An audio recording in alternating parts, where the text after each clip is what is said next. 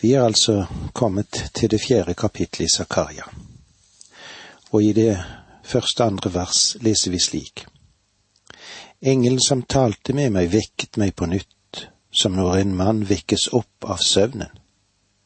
Han spurte meg, Hva ser du? Jeg svarte, Jeg ser en lysestake som er av gull helt igjennom. På toppen har den en oljeskål og sju lamper med sju rør til hver av lampene som sitter øverst på dem.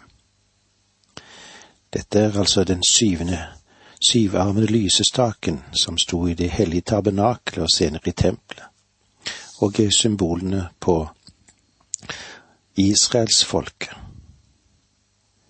Men eh, vi skal òg se på at lysestaken, den taler om Jesus Kristus. Og lampene på med olje i den, de taler om Den hellige ånd. Vi har ikke noe bedre bilde av Den hellige ånd enn oljen i lysestaken. Oljen det er et av de klareste definerte symbolene i Bibelen og står for Guds ånd, Den hellige ånd. Mens oljen representerer Den hellige ånd, er det lys som skinner, som representerer Kristus fordi han er verdens lys. Og denne lysestaken utgjør kanskje det mest komplette bildet av Kristus som symbolene i tabernaklet gir oss. Da den Herre Jesus forberedte seg til å forlate denne jord, så sa han til sine disipler at han skulle sende Den hellige ånd, og så la han til. Men når han kommer, sannhetens ånd, skal han veilede dere til den fulle sannhet. For han skal ikke tale ut fra seg selv, men si det han hører og kunngjøre det som skal komme. Han skal forherlige meg, for han skal ta av det som er mitt, og forkynne det for dere. Slik står det i Johannes 16, versene 13 og 14. Med dette i tankene så se på denne lysestaken ennå en gang. Selve lysestaken understøttet lampene med lys som skinte i dem, og lys i sin tur åpenbarte den skjønnhet og herlighet som lysestaken representerte. Og sett slik taler ikke Den hellige ånd om seg selv, men han åpenbarer den herlighet og den skjønnhet som finnes i den Herre Jesus Kristus. La oss gjenta det som står i vers to. Han spurte meg, Hva ser du? Jeg svarte, Jeg ser en lysestake som er av gull helt igjennom. På toppen har den en oljeskål og sju lamper med sju rør til hver av lampene, som sitter øverst på den. Og så vers tre. Ved siden av den står to oliventrær ett til høyre for oljeskålen og ett til venstre. De to oliventrærne blir identifisert under Zakarias tid. Serubabel, som var konge i Davids ettlinge, var ett av oliventrærne. Det andre oliventre, det var Josva, øverste presten. De skulle være de to instrumentene Gud ville bruke for å føre lyset tilbake til Israels folk, og gjøre dette folket til et lys for verden. Oliventreet som jeg allerede har nevnt, ordet på hebraisk er vakkert, gylden olje. Gylden olje. Det representerer Den hellige ånd denne profetien har også sin retning henimot fremtiden, frem mot den store trengselsperioden. Dette synes det å bli mer klargjort for oss, slik som vi ser det i åpenbaringsboken, i det ellevte verset og vers tre og fire. Men jeg vil sette mine to vitner, kledd i sørgetøy av sekk, til å profetere i 1260 dager. Dette er de to oliventre, og de to lysestakene som står foran jordens herre.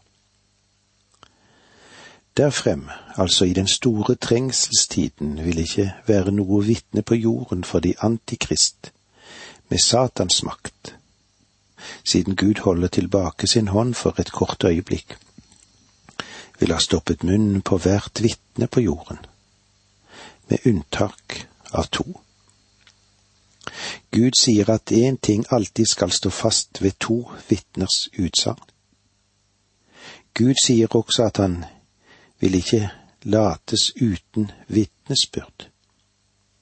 Under denne perioden er disse to menn som skal vitne for ham. Hvem de er, ja, det er en spekulasjon. Kanskje Elia kan være en av dem. Men eh, om den andre er Enok eller Moses, eller om det er Johannes døperen eller noe annet, det vet vi ikke. Det er ikke deres identitet som er det viktige.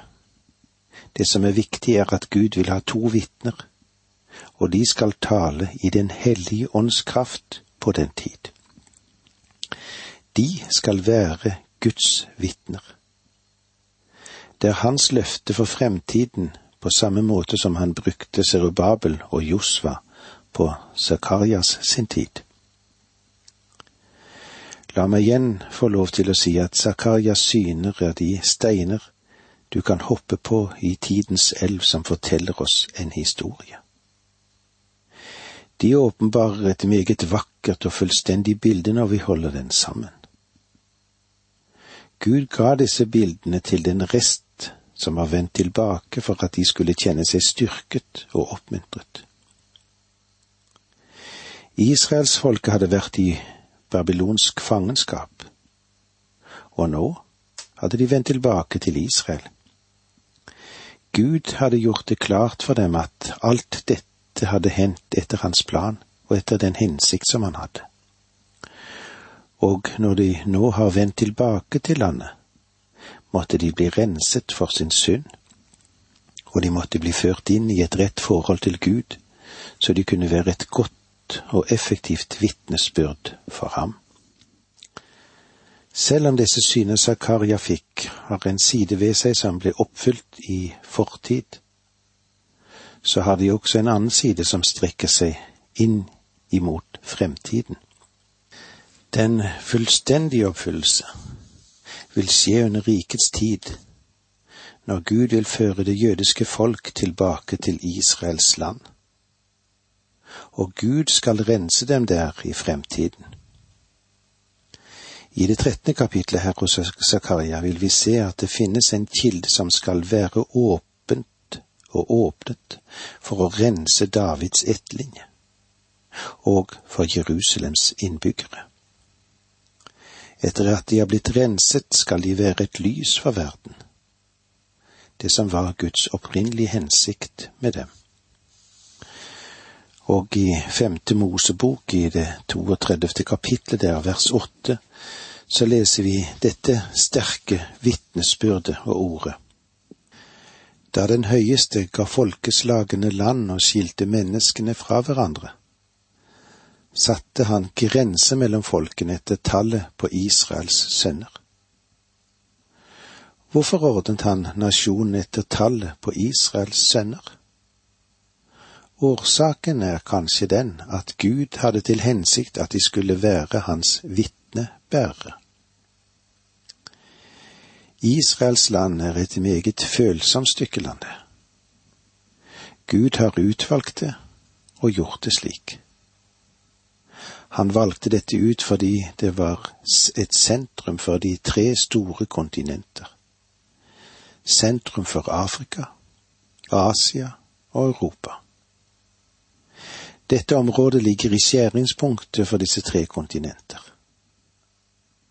Og det er ikke noe sted på jorden som er mer følsomt eller har skapt så mange internasjonale problemer som dette lille landet har gjort.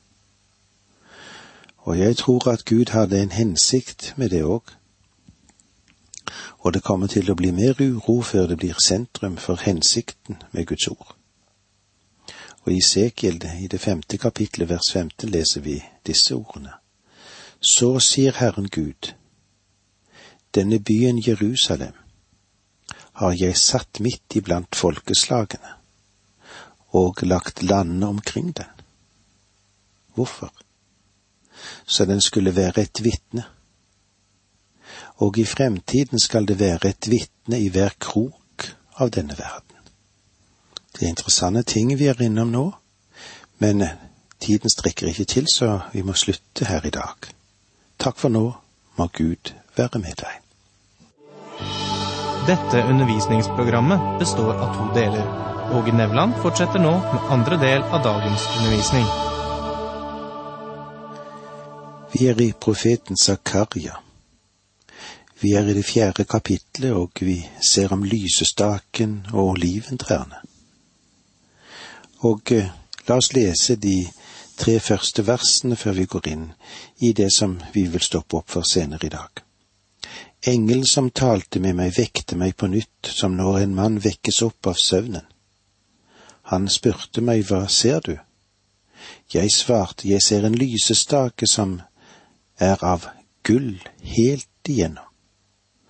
På toppen har den en oljeskål, og sju lamper med sju rør til hver av lampene, som sitter øverst på den.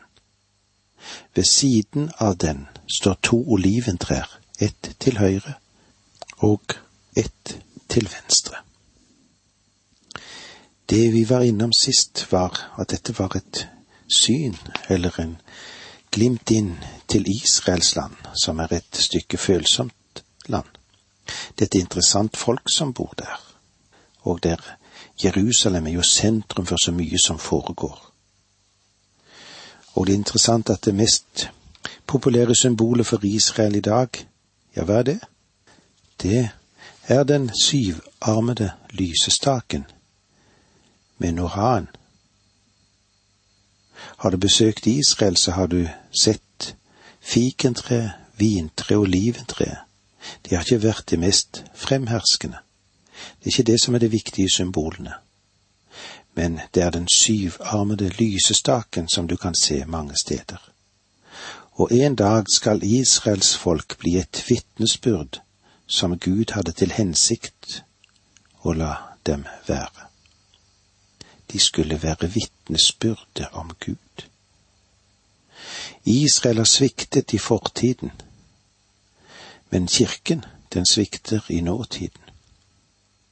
Selv om Kristus har bedt oss om å dra ut i hele verden med evangeliet, så er det mange folkegrupper i verden som ennå ikke har fått høre sitt første vitnesbyrd. I den fremtid er det det jødiske folk som skal være vitner i hver krok og i hvert verdenshjørne. Da skal også Guds ord gå ut fra Jerusalem. I Jesaja i det andre kapitlet der versene to og tre leser vi slik. I de siste dager skal det skje at Herrens tempelberg skal stå grunnfestet høyt over alle fjell, og løfte seg opp over høydene. Dit skal alle folkeslag strømme. Mange folk drar av sted og sier, Kom, la oss gå opp til Herrens fjell, til Jakobs Guds hus så han kan lære oss sine veier og vi kan ferdes på hans stier. For Herrens lov skal gå ut fra Sion, Herrens ord fra Jerusalem. Vi leser videre i Zakaria 4,4. Jeg tok til orde og spurte engelen som talte med meg, hva betyr dette, Herre? Den unge Zakaria hadde ingen hemninger, så han sier, dette kan jeg se, men hva er meningen med det? Engelen som talte med meg sa, Vet du ikke hva dette betyr? Jeg svarte, Nei, Herre, står det i vers fem. Engelens svar antyder vel egentlig at Zakaria burde vite hva det betyr. Faktisk så sier han, du burde være i stand til å forstå dette. Du ser på gullysestaken, og du burde vite hva meningen er med den. Vel, Zakaria han gjorde ikke det. Han sa nei, Min Herre, jeg forstår ikke dette i det hele tatt. Vers seks. Da tok han til orde og sa til meg, Dette er Herrens ord til Serubabel, ikke ved makt og ikke ved kraft, men ved min ånd, sier Herren allherrs Gud. Legg merke til at dette er Guds budskap til Serubabel. Hvem er nå denne Serubabel? Han er den politiske leder. Han er de sivile overhodet. Han er overhodet i Jerusalem, mens Josva, han er det religiøse overhodet. Han var leder for judastammen da de vendte tilbake til Jerusalem etter 70 års fangenskap i Babylon. Han er den som har ledet den første gruppe mennesker som kom tilbake til sitt hjemland. Ja, vi kan se om dette i Esra-boken. Serubabels store gjerning var å gjenoppbygge tempelet. Men arbeidet ble hindret gjennom trusler utenifra og motløshet innenfra. Gud gir ham dette synet for å styrke Serubabels tro. Det hadde en reell og klar mening for ham og det inneholder også et stort prinsipp for oss som lever i dag, både for deg og meg. Her er budskapet. Ikke ved makt og ikke ved kraft, men ved min ånd, sier Herren allers Gud. Ordene makt og kraft er ganske interessante. Makt er det generelle ordet for menneskelige ressurser som for eksempel kan være fysisk styrke, menneskelige egenskaper eller evner, eller effektivitet, eller rikdom.